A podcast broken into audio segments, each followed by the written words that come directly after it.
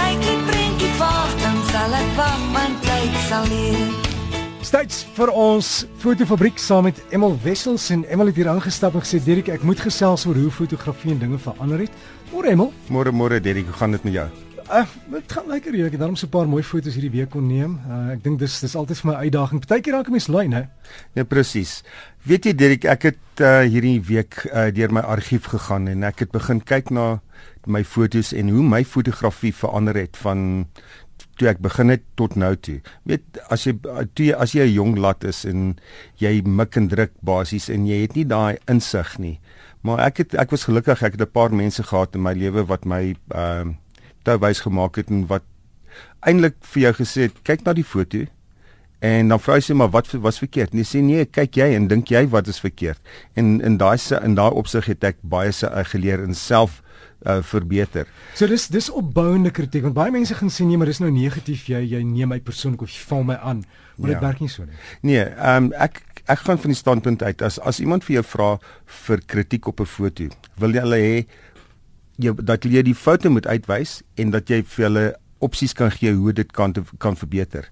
Ek ek beoordeel baie keer en ek sit myself uh in die posisie van die fotograaf wie se foto ek beoordeel en ek kyk wat hy kon doen en wat hy nie gedoen het nie.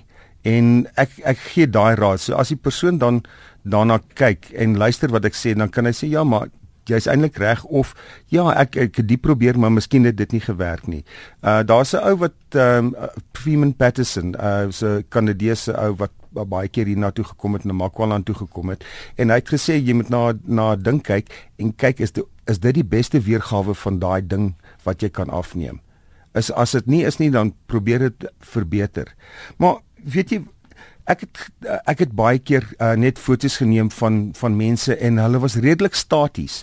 Hulle het gestaan en hulle nie dat hulle gepose het nie, maar um, ek dit is seker maar net my styl gewees en toe ek aangegaan het het ek 'n bietjie meer ehm um, emosie emosie en be, uh, hoe kan ek sê 'n vloei in my foto's begin kry. Ehm um, daar's 'n hele klomp goed wat wat tegnies verander het. In die ou dae het ek uh, op skyfie film geskiet en jou beligting moes reg wees. Jy kan nie oorbelig nie, jy kan nie onderbelig nie, hy moet reg wees. So dit is nou hoe nog my my uitgangspunt op my fotografie vandag met uh uh die digitale kameras. As jy hom nie korrek belig nie, dan uh dit is dan sta, dan sit jy soveel langer voor die rekenaar en die ding te probeer reg edit. Ehm um, daar's nou in in die deesdae is daar soveel mense wat net mik en druk en dan hoop hulle kan dit regmaak in Photoshop. Uh baie keer die beligting jy kan in RAW kan jy tot 3 uh f-stops bo en onder kan jy nog jou foto red. So jy dit is nie meer so belangrik nie, maar as jy 'n korrekte beligte foto het, afhangende ook net op jou op jou onderwerp wat jy afneem, jy moet jou daai kennis dra. As jy 'n ehm 'n swart kat gaan afneem en jou ligmeter gaan sê, "Ooh, daar's nie te genoeg lig nie. Ek gee 'n bietjie meer lig" en dan gaan jou swart kat grys kat word. Of as jy 'n wit kat afneem en dan sê jou ligmeter, "O, hemel, hier's te veel lig." Uh, en dan maak hy daai wit kat onderbelig hy om dan kry jy weer 'n grys kat. Ehm um, maar as jy dink dat die mense hoe die tegnologie ver, uh, verbeter het en verander het.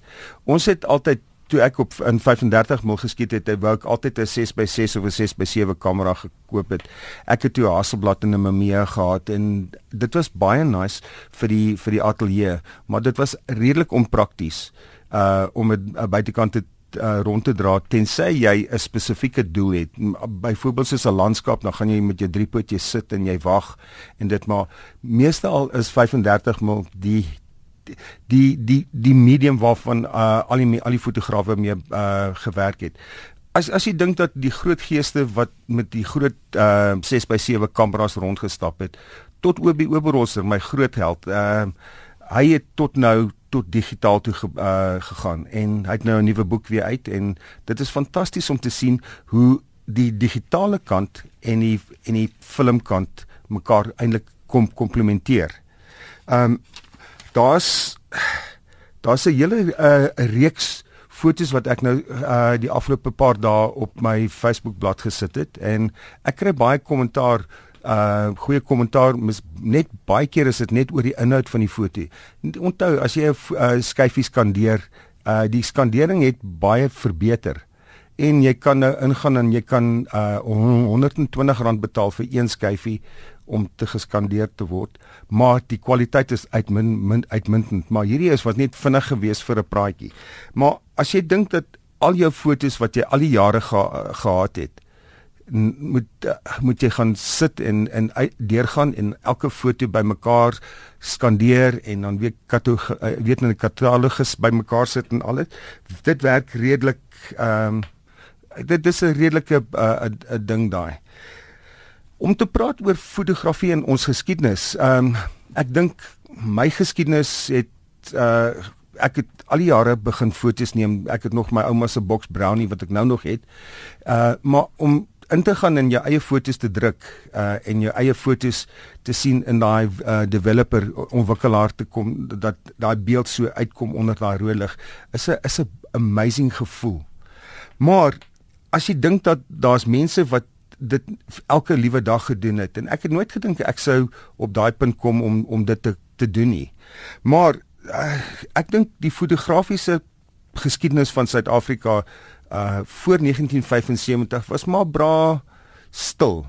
Jy weet jy uh, jy het die fotos van uh uh uh president uh, weet uh, uh Hendrik Verwoerd wat geskiet is by die ehm uh, by die skou en dit is 'n ikoniese foto daai. Daai foto sal almal onthou. Uh ek onthou nog as 'n foto wat uh, hulle geneem het in Carltonville met die sinkgate waar hierdie groot sinkgat uh by die helfte van die huis weggevat het en die ek dink die Rand Daily Mail het die eendag die voorblad gemaak met die hele foto voorblad foto en net die kind se se driewiel uh, uh fietsie was op die stoep oor.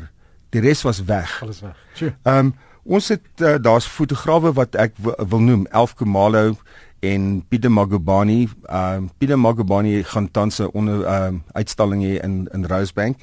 Maar fotograwe soos Jan Hamen saam met wie ek gewerk het, Herman Potgieter wat altyd bekend was vir sy vliegtye foto. Ehm uh, Nato Barnard wat vir rapport gewerk het. Ehm uh, hy het 'n uh, uh, insig gehad. Ehm um, Bernard Jordan wat uh, altyd met die met Juffrou Suid-Afrika's gewerk het.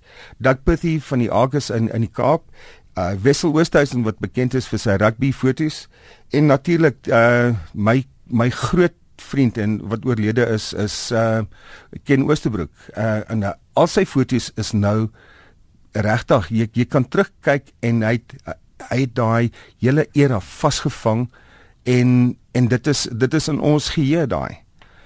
Ja, en ek wil net vir vir al die al die luisteraars sê as jy 'n fotos neem maak dit maak 'n 'n pro, program vir jou oop en sit vir jou jou fotos van 1920, 1930, 19 voetsek waar ook al. En kyk net in daai tydperk wat jy fotos neem of jou ouers fotos neem en waar jy oorgeneem het en waar jou kinders oorneem. Uh hoe hulle hulle beeld van fotografie verander. Dankie. Maar jy moet ja, so jy moet maar net die goed goed orden en en merk en soos jy gehoor het, jy kan van die ou skyfies laat skandeer kos 'n paar rand, maar is die moeite werd en glo my as jy dit gedoen het, lag jy weer lekker, maar dan kan jy kan jy ook al die goeie oomblikke sien. Emil jou webtuiste? Um as www.emilwessels.co.za of my spel jy Emil? E M I L E M I L Wessels. Ja, my my e-posadres is met die ekstra e aan. Ja. En die ander ding is my Facebook mense kan gaan kyk na die fotos wat ek gepos het. Emil Wessels. En uh, Daar's Emel, alles van die beste. Okay, dankie hoor. Mooi foto's neem en ek sal gaan loer op jou webtuiste. Nee, ek gaan van van dit op jou op ons uh blad sit.